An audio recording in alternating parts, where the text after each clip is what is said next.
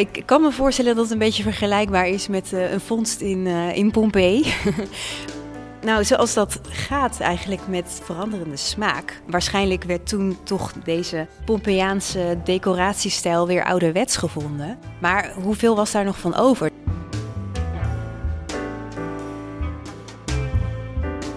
De geschiedenis heeft wel aangetoond dat we altijd weer op een andere manier terugkijken op het verleden.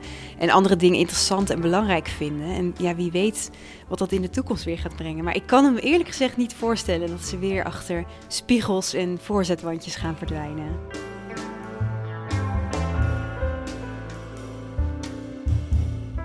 Je luistert naar de historische podcast van de Vereniging Oud-Utrecht.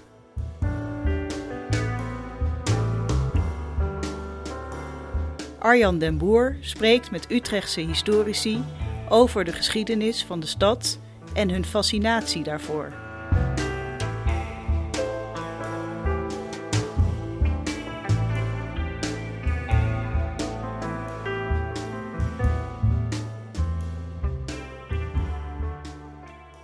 De laatste podcast van het jaar 2021 van Oud Utrecht, die komt vanuit uh, Paushuizen bekende gebouw in Utrecht. En ik spreek daar met uh, Vroukje van der Meulen, de conservator van uh, Paushuizen. Welkom in Paushuizen, ja, inderdaad. Dank je dat we hier in deze hele mooie zaal uh, mogen zijn. Het is de zaal die min of meer ook de aanleiding is om met jou te spreken. de balzaal, waar een paar Romeinse danseressen kwijt zijn. Hè, ja, dat klopt. het op neer. We gaan het zo wel over de details hebben, maar we zien daar drie lege bogen, drie lege vakken waar ze eigenlijk zouden moeten zitten. Ja. Sinds wanneer hebben ze daar gezeten? Tot wanneer? Sinds 1888, dus eind 19e eeuw, tot ja, net voor de Tweede Wereldoorlog. En uh, daarna zijn ze zoek geraakt. En ze komen weer terug. Ze komen weer terug, ja. ja. Uh, de aanleiding is uh, jouw publicatie daarover in het uh, jaarboek Oud Utrecht, dat vorige week verschenen is. En dat de leden van Oud Utrecht ook thuis ontvangen. Dus die kunnen de plaatjes die je niet bij de podcast hebt, in het jaarboek vinden.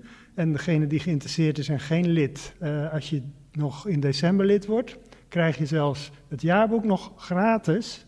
Want je betaalt dan pas bij 1 januari. Dus dat wilde ik toch even zeggen. jij bent conservator van het Paushuizen. Wat houdt dat in, die functie? Dat houdt in dat ik me bezighoud met de geschiedenis van Paushuizen. Ik geef rondleidingen. Elke laatste zondag van de maand een gratis rondleiding. Um, uh, dus ik, ik, vertel over de geschiedenis en ik maak die toegankelijk voor het publiek. Ook door middel van uh, nou ja, een publicatie zoals in het jaarboek uit Utrecht. En daarnaast uh, hou ik me ook bezig met ja, het beheer van uh, het behoud van paushuizen. En dan vooral in samenwerking met de beheerder. Er zijn hier een heleboel uh, objecten eigenlijk geleend, bruiklenen. En dat gaat om schilderijen, meubels, dat soort dingen? Ja, precies. Ja, toegepaste kunst, van alles en nog wat. de contacten onderhouden met die bruikleengevers van ja, het Centraal Museum, het Katerijnenconvent en ook de Rijksdienst voor het Cultureel Erfgoed, de RCE. Um, adviseren over het gebruiken van het pand. Um, ja, dus heel divers, hele diverse functie. Daarnaast ben jij werkzaam bij het Rijksmuseum. Dat is iets wat niet iedereen in Utrecht misschien weet, of althans niet wat jij daar doet. Dus dit is de gelegenheid om daar iets meer uh, over te vertellen, voordat we dus dieper ingaan op, uh, op Paushuizen. Klopt, ja. ja. bij het Rijksmuseum ben ik projectcoördinator, dus een, een, hele, ook een praktische functie. En we hebben net een heel spannend project afgerond, namelijk de verhuizing van het alle objecten in het oude depot naar het nieuwe depot. Het collectiecentrum Nederland in Amersfoort staat dat. Ja, dat is ook wel in het nieuws geweest, hè? Klopt. Ja, dat is onlangs geopend in september. En uh, dat is een heel mooi samenwerkingsproject tussen uh, het Rijksmuseum, uh, de RCE... Uh, Paleis het Loo en het Openluchtmuseum. Uh, die beheren hun collecties daar samen.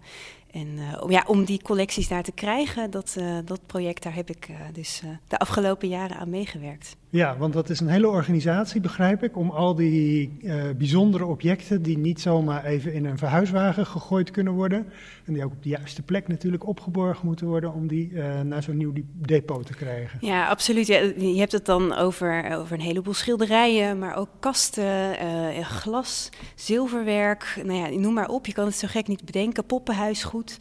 Uh, en dat moet allemaal uh, natuurlijk uh, veilig over, de oversteek maken. En daarnaast was het ook voorafgaand aan de verhuizing vooral heel belangrijk om het goed voor te bereiden. Dat we goed in beeld hadden wat we hadden, zodat er niks kwijt zou raken onderweg. Dus er was ook een heel groot ja, inventarisatie- en digitalisatieproject aan verbonden. Dus een, echt een enorme operatie was dat. En nu de gewetensvraag: is er iets kwijtgeraakt onderweg? Voor zover ik weet niet. en dat, dat zou, zou moeten kloppen. Is het nou zo dat je die objecten dan ook zelf uh, fysiek langs ziet komen? Wat het natuurlijk misschien wel het leuks maakt, want er zitten waarschijnlijk hele gekke of interessante dingen tegen. Of ben je toch vooral achter de computer bezig? Nou, allebei eigenlijk. Ik was wel vooral achter de computer bezig, maar mijn werkplek was echt in het depot, of is echt in het depot. Dus ik zat echt wel tussen de spullen. Dus ik kon ook altijd wel even een rondje maken door het depot uh, om te kijken van waar hebben we het nou over? En dan ja, zie je inderdaad de gekste dingen. Bijvoorbeeld?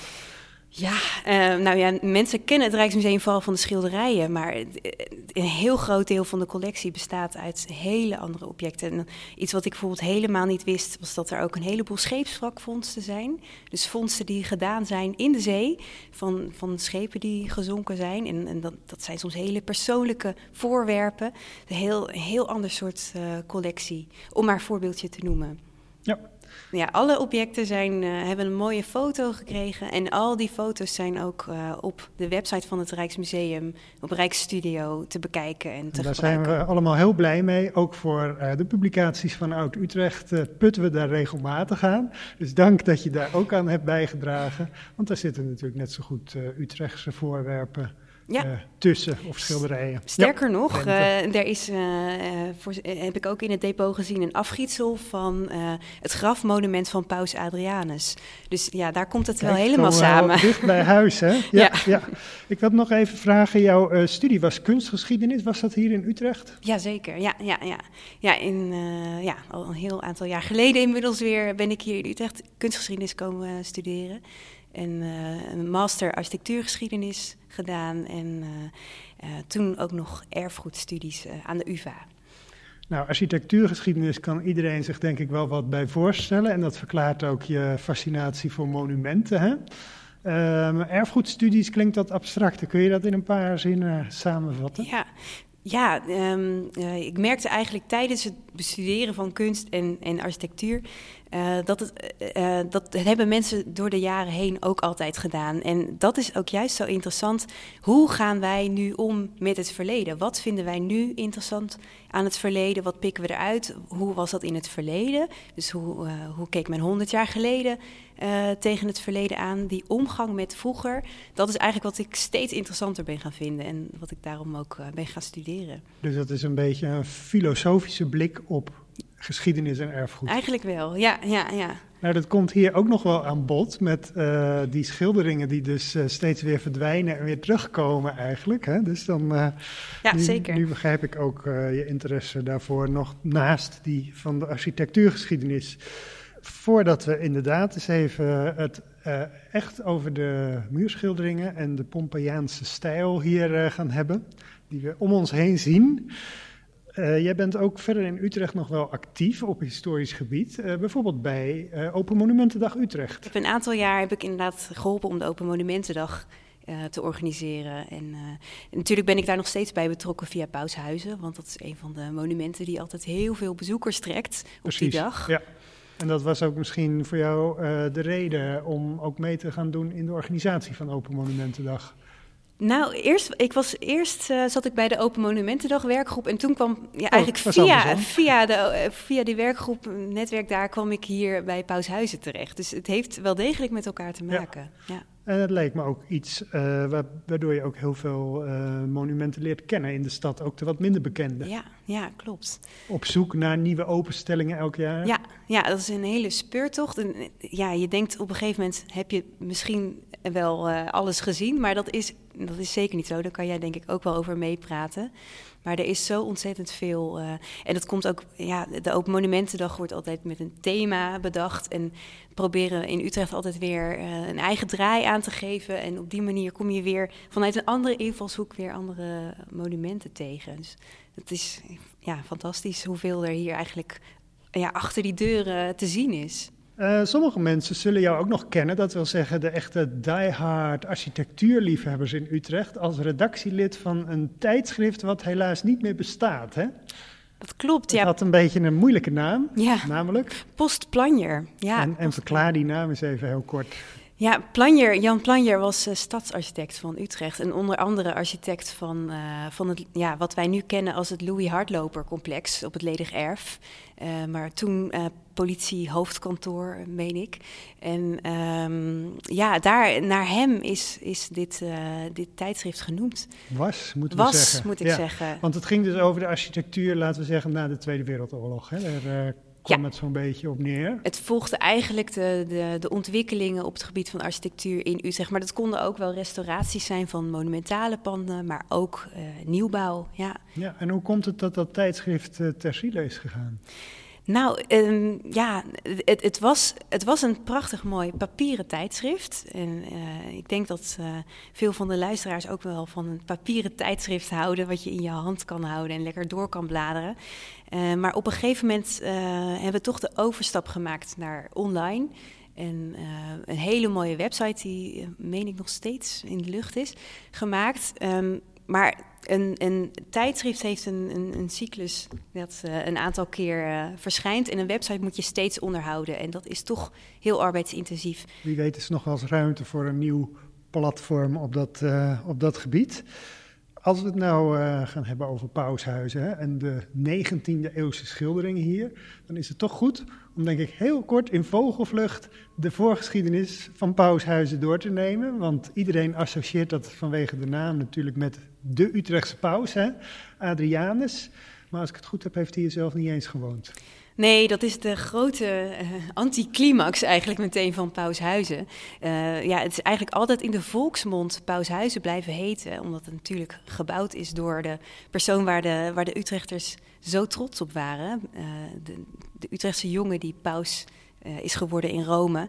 Dan hebben we het over het jaar 1521. 1522. Ja, en dat is toch een jaar naast. Precies, nou, dat is volgend jaar 500 jaar geleden. Dus dat is ook uh, een bijzonder jaar. Gaan jullie vast iets mee doen ook, uh, denk ik? Of niet? ja, er zijn verschillende uh, activiteiten in voorbereiding op het gebied van, van dit jubileum. En daar proberen wij vanuit Paushuis ook op aan te haken, zeker. Hij heeft het nooit voltooid gezien? Hij heeft het nooit gezien. Nee, hij heeft het opdracht gegeven om, om, in, om te laten bouwen voor zijn oude dag eigenlijk. Dus hij wilde hier als, uh, als pensionado weer terugkeren in, uh, in Utrecht. Um, maar goed, daar kwam dus die pausverkiezing tussendoor. En dat was een, een opdracht die hij niet kon weigeren en is daarom naar Rome getrokken. En heeft dus uh, zijn huis nooit gezien. Want hij overleed ook heel snel toen. Hij overleed in, in september 1523. Dus dat is inderdaad ja, ruim een jaar daarna. Um, en in de tijd daarna is Paushuizen altijd een heel aansprekend pand geweest. Het, is natuurlijk, het was een heel groot, indrukwekkend pand. En hebben altijd uh, verschillende mensen uh, gewoond, maar natuurlijk niet zomaar mensen, maar meer uh, prominenten. Prominenten, laten we het zo noemen. en uiteindelijk, in het begin van de 19e eeuw, is het um, ambtswoning voor de commissaris van de Koning geworden. Dat heette destijds nog de gouverneur. Maar nog even, was het voor die tijd gewoon particulier bezit van, van rijke bewoners? Of was het toen ook van de stad? Of, nee, het was particulier bezit. Uh, ja, het is nog een tijdje wel in, in kerkelijke handen geweest, maar na de reformatie hier in Utrecht in 1580 is het eigenlijk altijd in, in particuliere handen geweest. En heeft nog wel enige tijd ook een, uh, een logement gezeten. Uh, het was een hotel eigenlijk. Het was een hotel, een, een heel chic hotel. Uh, um, ja, uh, Hortense, de, de vrouw van Lodewijk Napoleon, die heeft hier nog een nachtje gelogeerd. Lodewijk Napoleon, de koning hè, van de Nederland koning, in de Franse tijd. Precies, koning ja. Lodewijk Napoleon, de broer van Napoleon. En naar aanleiding van dat heugelijke feit heeft het logement ook de naam gekregen. Logement van de koningin der Nederlanden. Dus dat, dat was een, uh, ja, een, een, moment of fame in de dat, geschiedenis. Maar dat was relatief snel voorbij, want daarna kwam die periode die je al even noemde, dat dit de woning werd van de commissaris van de koning. En dan hebben we het over vanaf 1815 of zo? Ja, ja 1813, ja, ja klopt. Dus vanaf die tijd uh, was, het, was het inderdaad de ambtswoning. Dus de, de, de gouverneur woonde hier daadwerkelijk. oh, toen heette het hier ook nog gouverneur. Ja. Net als in Limburg nog steeds. Precies, hè? Ja. precies. Ja. En, en, en een, gouverneur, een van de gouverneurs uh, heeft ook besloten om hier aan Paushuizen vast eigenlijk de Statenzaal te bouwen. Een vergaderzaal voor de Staten van Utrecht. En dat is ook de zaal waar wij nu zitten. En die dateert er dan uit ongeveer? 1830. 1830, ja. ja. Uh, alleen toen zag hij er nog anders uit, hè? Ja, heel anders. Ja, Althans, ja. de vormen zijn geloof ik wel hetzelfde, maar de aankleding en de kleuren niet. Precies, ja. De vorm is inderdaad hetzelfde, is ontworpen door Utrechtse architect Christian Kram. Maar uh, de aankleding was inderdaad uh, totaal anders. Uit kleuronderzoek is gebleken dat de muren beschilderd waren met een marmerschildering. Dus het was geen marmer, maar geschilderd alsof. En dat is, nou ja, een, een, denk ik moet dat een totaal andere indruk hebben gemaakt. Veel lichtere indruk dan uh, ja, dat en, we nu en zien. minder speels, strenger ook, denk ik. Ja. Dat is echt zo'n uh, klassicistisch gebouw, zoals Ja. in die tijd, de eerste helft van de 19e eeuw, populair uh, waren. Precies. Maar wat is er gebeurd uh, in de loop van de 19e eeuw, of eigenlijk tegen het eind van de 19e eeuw, waardoor uh, we opeens een stukje Pompeii hier in Ja. Utrecht hadden? Ja, nou, zoals dat gaat eigenlijk met, uh, ja, met, met veranderende smaak. Uh, eind 19e eeuw vond men die, uh, die strenge en, en ja, misschien ook wat sobere stijl toch niet meer passend. Uh, er kwam een nieuwe commissaris, of een nieuwe gouverneur moet ik zeggen. En ter gelegenheid daarvan werd Paushuizen ook ja, gerestaureerd, opgeknapt. Um, en dat gebeurde onder toezicht van de hoe heet dat Een soort ook? Rijksbouwmeester? Rijksbouwmeester Jacobus van Lokhorst. En uh, in die tijd is, is besloten om de balzaal ook een hele andere uitstraling te geven. En zijn dus die Pompeiaanse schilderingen hier terechtgekomen. Ja, want toen was het inmiddels een balzaal geworden en geen vergaderzaal meer. Klopt, ja. En balzaal, dat is, het is een beetje hoe wij het nu noemen, maar het, het werd inderdaad, het is maar korte tijd gebruikt echt als vergaderzaal. Het bleek uiteindelijk veel meer geschikt voor ja, ontvangsten, diners, Feestjes. feestjes. Dus een balzaal is op op zich wel een toepasselijke benaming. Ja. En, uh, En dat verklaart ook wel dan die veel frivolere aankleding. Hè? Precies. Want, uh, uh, ja, voor een, een, een ambtswoning en een, een, ja, een, toch een officiële ontvangstzaal waren dat inderdaad vrij frivole figuren die hier op de muur zijn Ja. geschilderd. komen zo nog wel een paar jaar geleden is het gereconstrueerd, of meer dan tien jaar geleden. En- Maar wat nu vooral overheerst eh, als je binnenkomt, is die, ja, wat is het? Bloedrode, donkerrode, bruin, bruinrode kleur. Hè? Dat is eigenlijk de basis waar, waarop dan schilderingen. Ja, ossenbloedrood. Ja, ja. Ja. Pompeiaans rood. Ja. Ja, precies. Pompeiaans. Want eh, dat heb jij uitgebreid beschreven vorig jaar al in een artikel in het eh, tijdschrift Oud Utrecht. En nu ook nog in het jaarboek. Dat eh, het geïnspireerd is op eh, de opgegraven Romeinse stad Pompeii. Hè, die eh, onder de Vesuvius was bedolven. En daar troffen ze in de, in de huizen dit soort kleuren en voorstellingen aan. Hoe verklaar je nou dat dat, want dat gebeurde niet alleen hier, maar door heel Europa eigenlijk, dat dat in de huizen en de gebouwen van de 19e eeuw zo populair werd om dat na te schilderen? Ja, ehm, je moet je voorstellen dat eh, die, die eerste opgravingen die werden gedaan eh, onder de uh, auspiciën eigenlijk van de, de koning van Napels. En eh, die, liet, die liet Pompeii opgraven en, en hield daar eh, eh, streng toezicht op. Eh, niemand mocht daar eigenlijk komen. Hij, hield dat heel erg eh, exclusief.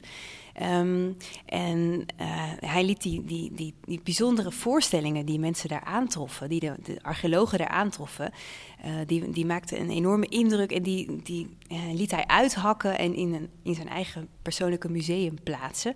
En eh, de belangrijkste en de mooiste voorstellingen werden ook weer nagetekend. Die publiceerde hij in, in, in een hele prachtige boekenserie, maar een, een hele exclusieve boekenserie voor niemand toegankelijk. Ik las in je stuk dat alleen Goethe, geloof ik, mocht komen kijken, Ja. toch? Ja, ja, hij mocht komen kijken, inderdaad. Maar ja. niet, een- niet eens notities maken. Nee, hij mocht niet eens notities maken, dat klopt inderdaad. Ja. nee, het was, het was inderdaad heel exclusief. En, en, uh, en dan ben ik het zelf ook even kwijt. Nou ja, dat, dat werd op de duur dan vrijgegeven. Hè? Waarschijnlijk toen, uh, toen die koning van Napels uh, het veld ruimde. En toen werd het bij de elite van Europa populair om dat in hun landhuizen te gaan schilderen. Precies. Er mochten meer mensen werden toegelaten tot die opgravingen, werden toegelaten tot dat museum dat die koning voor zichzelf had gecreëerd. En, en kunstenaars en ontwerpers werden daardoor geïnspireerd. Die gingen dat natekenen. Die publiceerden die tekeningen weer in boeken. En die werden dan weer helemaal verspreid door heel Europa. En dat bracht eigenlijk een hele rage teweeg. En inderdaad uh, begon die rage echt aan de, de, koninklijke Europese hoven. Je komt het tegen in, in Sint-Petersburg, in uh, Estland, Frankrijk, Duitsland. Um, Italië. Eigenlijk heel weinig in Nederland. Weinig in Nederland. Uh, er waren geloof ik twee voorbeelden waarvan dit er één is, hè? Ja, in elk geval twee uh, uh, voorbeelden die, ja, waarin dat echt zo op zo'n overtuigende manier is, is toegepast. Eentje in Utrecht en eentje in Den Haag, in de Sociëteit Witte. Um, die door Kuipers, uh, de eetzaal die daar door Kuipers is ontworpen. Maar die is helaas afgebrand en daar is nu niks meer van te zien. Alleen nog foto's. Ja. Dus daarmee hebben we eigenlijk hier in Utrecht nog de, de enige... enige Pompeiaanse zaal van Nederland. Ja. Ja, en ook die was eigenlijk verdwenen. Dat wil zeggen, uh, je schreef het ook zo mooi in het uh, artikel in het uh, tijdschrift, zoals Pompei zelf onder de as van de Vesuvius verdween, verdwenen deze schilderingen hier achter een soort, ik noem het maar even, oneerbiedig gipsplaten, of in ieder geval schilderlagen. Ja, ja precies. Achter verf, achter ja. voorzetwandjes en spiegels. Wanneer ja. is dat gebeurd? Ja, dat is vlak voor de Tweede Wereldoorlog gebeurd kwam weer een, een, nieuwe gouverneur of nieuwe commissaris. Uh, en er kwam weer een opknapbeurt. En uh, ja, waarschijnlijk werd toen toch deze Pompeiaanse decoratiestijl weer ouderwets gevonden. En werd het vervangen door ja, weer eigenlijk een hele lichte en neutrale uitvoering van de zaal. Dus eigenlijk weer een beetje terug naar die begintijd ja. in de 19e eeuw. Geen marmerschildering, maar spiegels en uh, hele ja, lichte, lichtblauw, crème kleuren. En ja, in combinatie met hele grote kristallen kroonluchters en een mooie parketvloer... was dat toch wel echt een hele mooie balzaal. Dus het was ook een mooie zaal. was ook niet, een mooie zaal. Niet zo uh, uitgebreid gedecoreerd nee. als, uh, als hij geweest is uh, tussen 1890 en 1940, even afgerond gezegd. En het grappige is natuurlijk dat, dat het nu weer terug is. Tien jaar geleden ruim werd het Paushuizen gerestaureerd. Zijn ze toen teruggevonden? Hoe ging dat? Nou, het was wel bekend dat hier die Pompeiaanse schilderingen hebben gezeten. Want het was, dat was, daar waren foto's van, die bevinden zich in het Utrechts archief. Maar hoeveel was daar nog van over? Dat was niet bekend. Dus uh, op het moment dat die eerste ja, uh, platen van de muur werden gehaald, bleken daar nog heel wat restanten van die schilderingen achter te hebben gezeten. En dat maakte natuurlijk wel wat nieuwsgierigheid los, want ja, hoeveel was daar nog van over? Ja. Um, en, ja. Jij was daar zelf trouwens nog niet bij, nee. hè? Want het lijkt me wel spannend, zo'n ontdekking. Dat je, ja. ah, het, echt, uh, het is een beetje cliché bijna, dat je achter het gipsplaat iets heel moois uh, tevoorschijn ja. komt. Het lijkt me inderdaad heel spannend. Ik was er helaas zelf nog niet bij, nee. Maar ik kan me voorstellen dat het een beetje vergelijkbaar is met uh, een vondst in, uh, in Pompeii. maar um, ja, dat, ik heb er wel foto's van gezien. En de restauratoren Peter Dijkman en Claudia Jonge hebben mij daar ook heel uitgebreid over verteld. Dus ik kan het me bijna voorstellen. Um, maar ja, dat was natuurlijk een hele spannende ontdekking. En ja, dat, dat maakt meteen van alles los. Want ja, wat ga je doen? Ga je die Pompeiaanse stijl weer terugbrengen? Uh, of ga je de zaal behouden zoals hij was? En wat heeft het allebei voor gevolgen? En wat, ja, wat, wat kies je? En wat waren de overwegingen om toch het ook deels te reconstrueren? Hè? Want ze waren lang niet allemaal goed bewaard gebleven. Dus wat we nu zien om ons heen, dat is een combinatie van origineel en tien jaar geleden weer opnieuw aangebracht. Ja, aangevuld en opnieuw uh, aangebracht. De belangrijkste overweging was dat er dus nog heel wat van uh, overgebleven was. En dat het dus ook technisch mogelijk was om, om eh, een reconstructie te maken. Maar de andere overweging was natuurlijk de, ja, het unieke geval van zo'n Pompeiaanse zaal in Nederland om die weer terug te brengen. Dat het zo bijzonder is. En uh, ja, die kans uh, ja, zou jammer zijn om, om die te laten liggen. Als je nou eens even zou moeten beschrijven hoe de voorstellingen eruit zagen, dus zowel die nu terug zijn gebracht als degene die nog niet terug zijn en waar we het zo over hebben, het totaalplaatje, hoe, uh, hoe zag dat eruit? uit? Wat voor voorstellingen stonden er op de muur? Ja, dat is eh, bijna onmogelijk om te beschrijven, omdat er zoveel te zien is. En mensen die de zaal kennen, die kunnen, dat waarschijnlijk wel beamen. Maar het, is echt van top tot teen beschilderd met, met figuren en met ja, plantenmotieven, um, met guirlandes.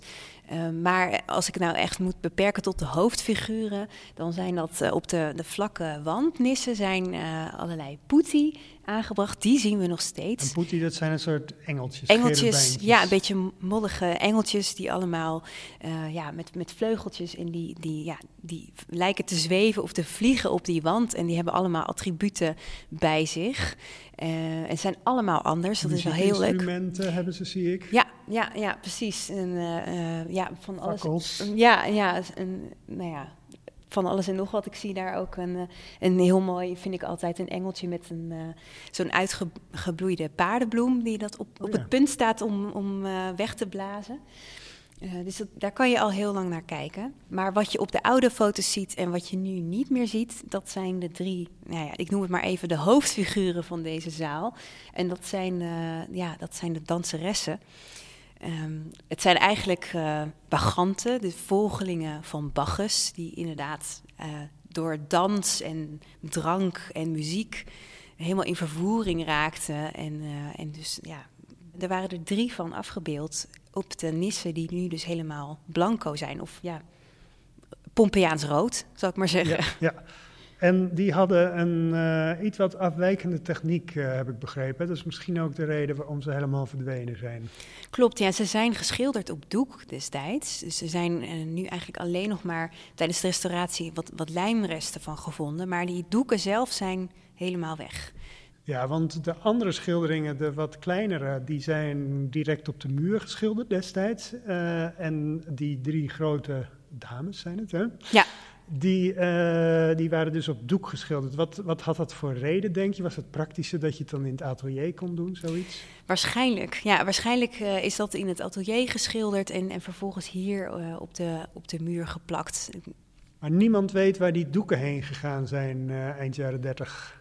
Nee, nee. Misschien nee. zijn ze wel helemaal aan flarden gescheurd, ja, zoals je behang van de muur Precies. scheurt. Ja, ik, dat is echt, nou ja, dat, daar fantaseer ik wel eens over. um, wat nou als je ze toch nog terug zou vinden? Want het, het, zou, het zou kunnen, maar goed, misschien zijn ze inderdaad gewoon uh, vergaan, verloren gegaan. Maar uh, um, er zijn twee andere uh, doeken die in de Um, aan de kopse kanten geschilderd zijn, die zijn wel weer teruggevonden. Dus het, het is niet helemaal onmogelijk. Die zijn ook weer aangebracht. Ja, ja, ja. ja die zien we nu weer hier in Paushuizen. Ja. De danseressen die verdwenen zijn hier op de muur, uh, achter een, uh, een, een, nou ja, die van de muur gescheurd zijn waarschijnlijk, en ook nog eens een, een witte lager overheen. Uh, dat zijn nu eigenlijk toch een soort gapende gaten. En ja, volgens mij uh, heb jij het als een soort uitdaging opgevat om ze toch weer uh, terug te gaan vinden. Is het niet letterlijk dan wel figuurlijk door uh, via onderzoek te reconstrueren wat voor afbeeldingen daar gezeten hebben. En dat is je gelukt. Hè? en ze komen ook weer terug. Maar hoe ben je daarbij te werk gegaan? Welke bronnen kon je gebruiken om precies te bepalen hoe die danseressen eruit gezien hebben? Ja, dat is natuurlijk uh, uh, best wel een spannende zoektocht. Uh, want het, eerste beginpunt wat ik had, dat, was natuurlijk die, dat waren die oude foto's. En dat waren zwart-wit foto's uit begin 20e eeuw. Echt ongelooflijk goed van kwaliteit, maar natuurlijk wel onder een bepaalde hoek genomen. maar goed, daarop kon je wel echt zien dat die, ja, welke figuren daar gezeten hebben. En ehm, eh, ja, je kon het niet helemaal in detail zien. En, en bepaalde schilderingen in de hoek, die, die kon je dan nog veel minder in detail zien. Maar ik kreeg een beetje een beeld van wat daar zat. En, je zag al dat het dames waren, dat het soort danseressen waren. Ja, ja het zijn, het zijn uh, ja, dames uh, in, een soort ja, zwevende houding. Hun benen die lijken echt te zweven of te dansen. En ze hebben ook een soort, ja, dat, dat zag je dan op die foto ook wel, een soort sluier om zich heen. En ze hebben iets van attributen, maar wat, ja, dat... dat kon je niet zien op die foto's, nee. Nee. Um, en nou was het eigenlijk uh, niet eens zo'n hele moeilijke zoektocht, moet ik bekennen. Want de uh, danseressen zijn namelijk gebaseerd op een van de meest populaire thema's uh, in Pompeii. Althans, in de, ja, zou ik maar zeggen, de naleving van Pompeii. Dus toen in de 17e, 18e, 19e eeuw die opgravingen, gedaan, gedaan zijn. zijn. en daarna die publicaties daar, daarnaar gemaakt zijn.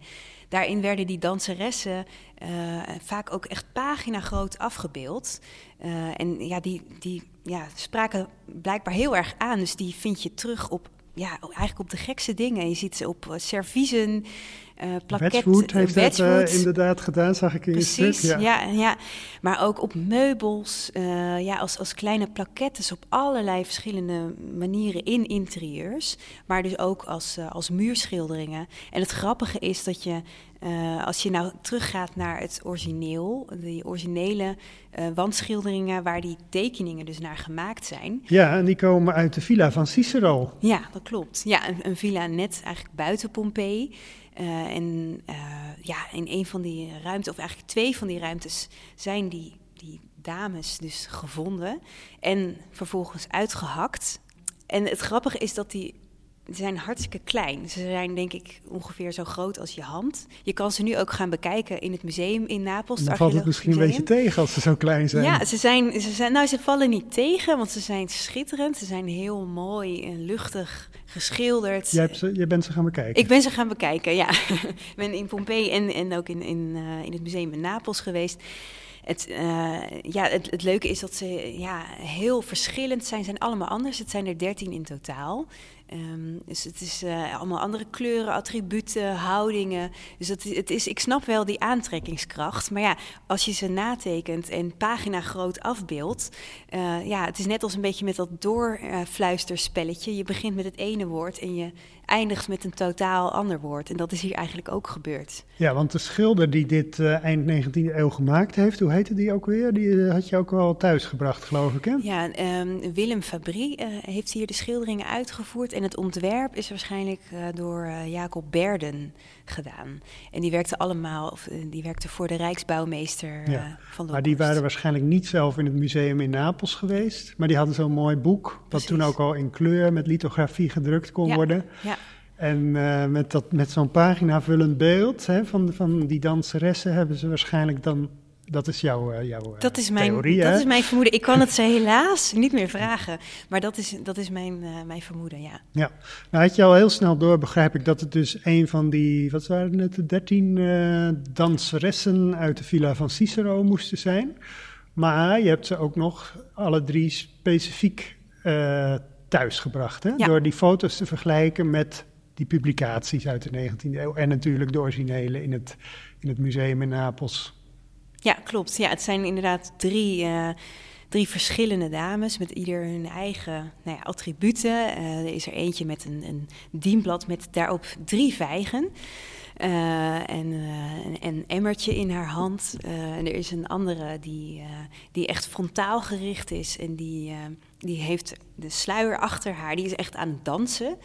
Het, is, het, het zijn eigenlijk allemaal attributen die te maken hebben met dat, dat feest van Bacchus. Dus dat, dat, drank, en, dat, dat drank- en dansfeest, zal ik maar zeggen. Um, dus het zijn uh, de, ja, onmiskenbaar echt die, die baganten. Die, uh, die... Ja, en dat verklaart misschien ook een beetje dat er wel ook kritiek kwam hè, toen die schilderingen hier zijn aangebracht. Van het is te frivol, uh, het is misschien zelfs te erotisch. Er ja. waren echt mannen natuurlijk hè, in die tijd die daar toch negatief ook over geschreven hebben. Klopt, ja, ja dat heb ik teruggevonden in, in, in oude krantenberichten. Dat daar inderdaad het een en ander aan ja, stof deed opwaaien. Toch is, is het gebeurd, toch is het hier geschilderd. Ik vind het, al, ik vind het ook een hele opvallende keuze, maar het heeft er denk ik In het zeker... brave, ingedutte Utrecht. Precies, ja.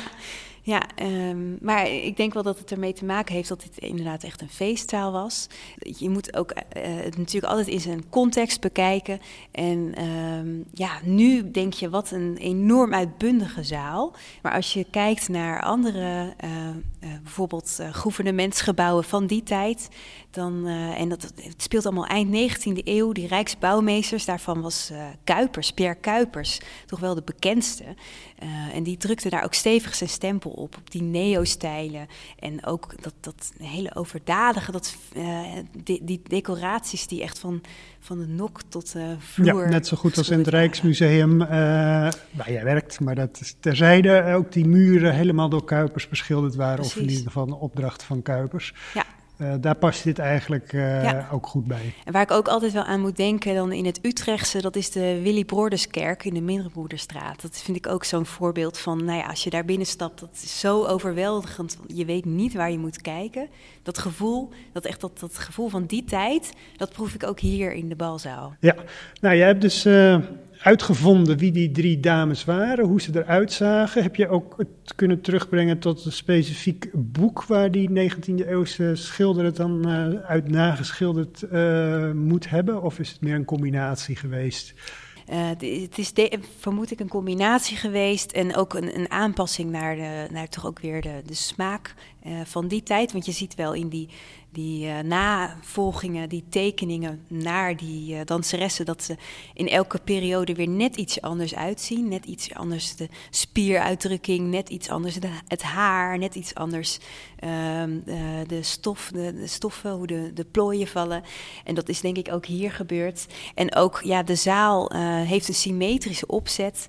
En um, de, de ontwerper heeft er ook echt voor gekozen om die danseressen ook weer op een symmetrische manier uh, te plaatsen. Dus één is er in spiegelbeeld gezet, Precies, toch? ja, ja. Dus eentje zie je frontaal en dan uh, de andere twee danseressen zijn naar haar toe gewend. Dus is inderdaad eentje... Ja, want anders als die de originele uh, versie had gevolgd, dan had ze buiten beeld gekeken, zeg maar. Ja, dan hadden ze allemaal... Oh ja, dan had ze naar de ja, verkeerde de, kant ja, gekeken. Ja, Ja, precies. Ja. Ja, en echt meer dan levensgroot. Het moet, uh, moet echt, dat is ook misschien ook een reden waarom ze op, op doek geschilderd zijn. Omdat ze, ja, het was natuurlijk wel een, een enorme klus om dat uh, goed te schilderen. En om ze daarom in, uh, in het atelier te schilderen. En dat moet weer gaan gebeuren. Ja, dat, dat, dat moet weer gaan gebeuren inderdaad. Dat ga ja. jij niet zelf doen. Nee, nee, gelukkig niet. Het is echt een, uh, een vak apart. En ik zei net al, Peter Dijkman en Claudia Jonge hebben hier een jaar of tien geleden de restauratie gedaan. Peter Dijkman is helaas overleden een, een aantal jaar geleden. Um, Claudia Jonge die heeft de opdracht opgevat om, uh, om nu die reconstructies uh, te gaan maken. En die zal dan gebruik maken van wat jij hebt onderzocht natuurlijk, maar die gaat er dus ook weer die prenten naast houden die Ja. waarschijnlijk in de 19e eeuw gebruikt zijn. De prenten en ook de beschrijvingen die in die prentenboeken erbij hoorden, waarin ook wat meer over kleur wordt gezegd. Dus uh, ja, het, het, het, is natuurlijk, er is geen pasklaar voorbeeld, dus ja, er moeten verschillende bronnen.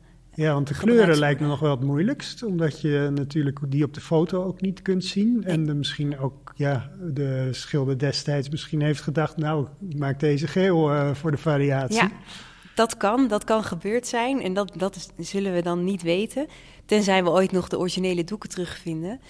Het is, zou wel wat zijn als, uh, als het net gereconstrueerd is en dan worden de originele doeken nog gevonden. Dat dan zou... krijg je een gewetensvraag. Ja, dat zou wel heel spannend zijn. Ja, je weet het niet. Nee, dat ze opeens op een veiling ergens in een ver buitenland uh, Ja. opduiken of zo. Ja, ja, ja dat, ik ben benieuwd wat we, dan, uh, wat we dan zouden moeten doen. Maar ik acht die kans niet zo groot. Nee, nee.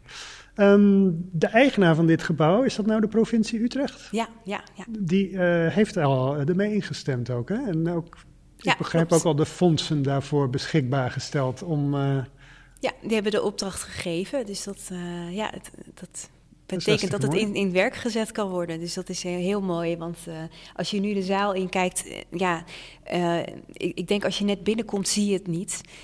Omdat er al zoveel te zien is. Um, maar als je wat beter gaat kijken, ja, zeker als je op gewezen wordt. plekken opvallen precies. natuurlijk, ja, hè? Ja. ja. Maar het moet voor jou ook bevredigend zijn dat je na zo'n onderzoek, wat waarschijnlijk ook al een paar Eureka-momenten had, hè, dat het dan ook nog echt uh, gereconstrueerd Ja. gaat worden. Ja, dat is natuurlijk hartstikke leuk. Ja, ja dat is eh, fantastisch. En ik, ben, ik kan ook eigenlijk niet wachten om het helemaal in zijn geheel te zien. En wanneer zal dat zover zijn? Ja, dat gaat nog wel eventjes duren. Ja, want het is, het is een, nou ja, een flinke, flinke opdracht. Nou, het zal wel heel snel moeten gaan, wil het nog voor volgende Monumentendag Ja, zijn. ja dat gaat hem sowieso niet Laten worden. we nee. zeggen, de Monumentendag 2023, dat er misschien Het zou een een mooi is. streven zijn, ja.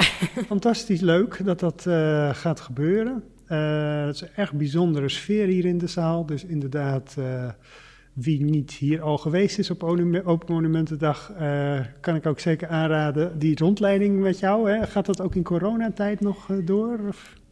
Dat probeer ik zoveel mogelijk wel te doen, maar ik heb natuurlijk ook altijd te maken met de wisselende coronamaatregelen. Dus het is ook wel op en af geweest eh, Ja. de afgelopen tijd. En waar kan je de informatie over vinden? Die kan je vinden op eh paushuizen.nl. En ehm, eh, er is een, je moet eventjes reserveren om een rondleiding te Dat doen. zijn we wel gewend ja, precies. Ja. Ja. Ja. Het artikel eh, over de muurschildering in het algemeen, dat is al in augustus 2020 verschenen in het eh, tijdschrift Oud-Utrecht. Dus de leden kunnen dat even terugzoeken. Je kunt het zelfs nog bestellen op de website. En het eh, uitgebreide artikel over je onderzoek naar de verdwenen danseressen, hoe je die hebt kunnen reconstrueren, dat staat in het afgelopen maand verschenen jaarboek Oud-Utrecht 2021. Leden ontvangen het thuis, ben je nog geen lid nu worden, dan krijg je het nog gratis zelfs. Eh, dat, eh, daar staan natuurlijk ook afbeeldingen bij om een beeld te krijgen van, eh, van deze prachtige schilderingen, zolang je er nog niet zelf bent komen kijken. Dan heb ik nog als laatste aan jou de vraag, we hebben het eigenlijk nu alleen over de balzaal gehad. Hè. Er zijn natuurlijk nog veel meer ruimtes, ingerichte interieurs, soort stijlkamers ook in, in Paushuizen. Is er nog een, een plek of een object in Paushuizen wat wat minder bekend is, waar je ons als laatste van deze podcast even mee naartoe zou willen nemen? Ja, zeker. Ja, er zijn er natuurlijk een heleboel. Maar ik denk dat het toch leuk is. We hebben het nu heel uitgebreid over de 19e eeuw gehad. Een hele, wat mij betreft, hele spannende periode. Hele interessante fase in, eh, in de geschiedenis van Paushuizen. Maar het lijkt me toch ook leuk om toch eventjes naar die begintijd, de, de tijd van Paus Adrianus, te gaan. En eh, We verlaten nu de, de balzaal, hè? En waar Ja. gaan we heen, eh vrouwtje? Ik zie dat we nu langs het schilderij van Adrianus eh, lopen. ja, ja, we gaan afdalen. We gaan eh, naar de kelder toe. De trap is wel eh, modern, De hè? trap is heel modern, inderdaad. Die is ook met de laatste restauratie hier geplaatst. Maar wat het leuke is, als je die trap afgedaald bent, dan zie je hier de, de fundamenten van een van de traptorens, de noordelijke traptoren. En dat zijn dus echt die, die, die, eh, ja, echte moppen, die middeleeuwse eh, bakstenen, eh, ja, die echt uit de tijd van Adrianus komen. Dus hier kom je eigenlijk al vrij dicht bij ja, de tijd van Adrianus zelf. Ja, dus niet alleen het interieur, maar ook het gebouw zelf is na Adrianus nog flink gewijzigd. Zeker, ja, ja, ja. Ja, in opzet valt het mee, eh, maar eh, ja, van het oorspronkelijke, de oorspronkelijke indeling in het interieur is eigenlijk niks meer over. Dus ja, daarom zijn dit soort restanten van eh, ja, eigenlijk bouwhistorische sporen, daarmee kom je eigenlijk nog het dichtste bij die beginperiode. We kunnen nog eventjes iets verder doorlopen. De luisteraar denkt nu dat we door een soort eh, middeleeuwse ruïne lopen, maar we tegelijkertijd lopen we door een soort moderne keuken, hè, die hier nu ook Ja. is. Ja, er staat inderdaad een, een fantastisch mooie keuken waar je echt eh, nou ja, de mooiste gerechten kunt voorbereiden. Maar hier Eh. zijn een aantal archeologische vondsten te zien. Ja. Ja, er zijn tijdens de restauratie is er ook archeologisch onderzoek verricht. En toen zijn er, ja, is er natuurlijk van alles hier eh, uit de grond naar boven gekomen. Want we zitten hier echt op een steenworp afstand van het Domplein. Wat natuurlijk eh, het castellum, het Romeinse castellum was. Maar zie ik daar nou ook Romeins aardewerk? Ja, ja, zeker. Ja, ja, dat is hier gewoon gevonden. Ja, Dus onder het paushuizen Ja. zitten ook nog Romeinse resten. Ja. En, en dat is toch ook wel leuk in verband met Pompeii. eh. Precies, ja, zo zie je maar weer dat die, die verbinding met Italië, die is er zeker, ja. ja, nee, het is eh, heel, heel spannend natuurlijk dat hier ook weer eh, ja, een hele andere laag van de geschiedenis naar boven komt. Ja. En ook hier Romeinse muntjes. Ehm, het was eh, ten tijde van, uh, van het Romeinse Castellum was hier de Ficus, dus het, het, het, dorpje wat bij, de, bij het Castellum hoorde. Er zijn ook een heleboel uh, flessen, lege wijnflessen gevonden. Dus ja, je ziet echt nog ja, sporen van het leven dat daar ja, zich toen heeft afgespeeld. Er zijn hier ook inderdaad weer, ik zag ze al liggen, wijnflessen. Ja voor de catering, Precies, zeg maar, hè? voor de feesten die hier tegenwoordig uh, worden gegeven. Ja, dus ja. wat dat betreft verandert er niet zoveel Eigenlijk in, uh, niet, in nee. 2000 jaar. Wat ik nog wel even zat te denken tot slot is, uh, we hebben een soort golfbeweging gezien met de aankleding van die balzaal. Hè? Eerst was het kaal, toen heel bont en toen weer kaal en nu weer bont. Zou er nog eens een tijd komen dat we die, die 19e eeuwse schilderkunst weer heel lelijk gaan vinden en er weer met de witkwast overheen gaan? Of, of zou die tijd nu definitief voorbij zijn? Ik vind dat een hele interessante vraag, want ik, ik, zou nu, ik zou me dat nu niet voor kunnen stellen. Ik denk echt nou ja, dat we daar nu op een hele andere en meer genuanceerde manier op, op terugkijken. Um, maar goed, je weet het natuurlijk nooit. En uh, nou ja, de geschiedenis heeft wel aangetoond dat we altijd weer op een andere manier terugkijken op het verleden. En andere dingen interessant en belangrijk vinden. En ja, wie weet wat dat in de toekomst weer gaat brengen. Maar ik kan me eerlijk gezegd niet voorstellen dat ze weer achter spiegels en voorzetwandjes gaan verdwijnen. Dankjewel dat we uh, hier te gast uh, mochten zijn met de podcast en uh, de interessante verhalen die je verteld hebt. Ja, heel graag gedaan.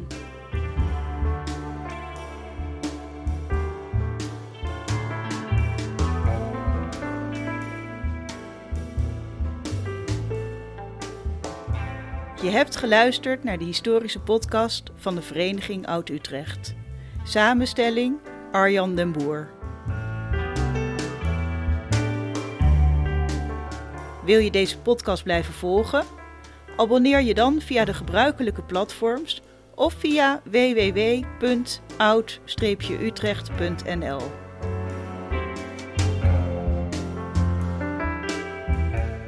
Wil je deze podcast steunen? Word dan lid van de Vereniging Oud-Utrecht en je ontvangt ook zes keer per jaar het tijdschrift Oud-Utrecht, het jaarboek en de uitnodigingen voor activiteiten. Meer informatie www.oud-utrecht.nl